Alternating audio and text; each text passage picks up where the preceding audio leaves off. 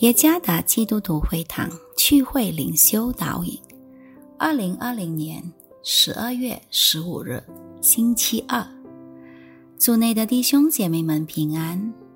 今天的灵修导引，我们将会借着圣经提摩太后书第二章第三和第四节来思想今天的主题：刚强的基督精兵上。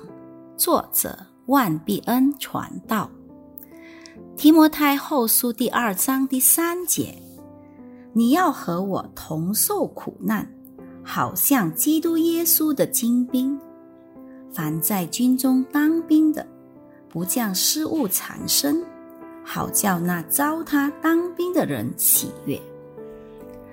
成为基督的跟随者，乃属一种佳美的呼召。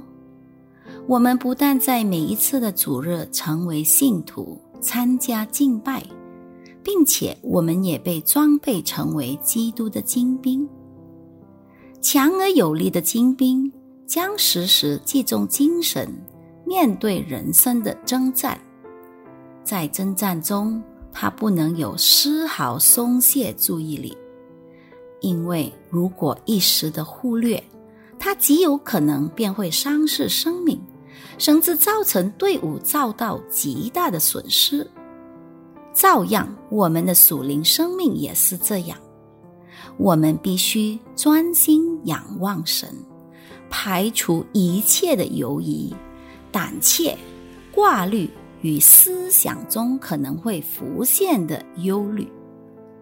主是我们的元帅，他确实知道我们所领受使命的目的。他也绝不会将我们在执行他的诫命时而误导了我们。当我们集中精神执行他的使命，并全信信靠他时，因此我们便能完成他给予我们的使命。我们能够排除前面各种的困难，但是当我们对他的真理和应许，开始担心犹疑时，仇敌魔鬼将会轻易透过诸多困难压倒我们，以致我们无法从困难中找到出路。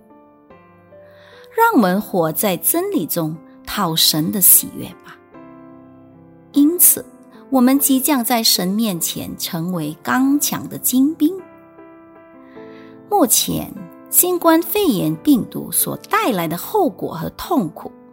仍然清洗我们的生命，我们实在不能只看为是带来痛苦和损失的事件。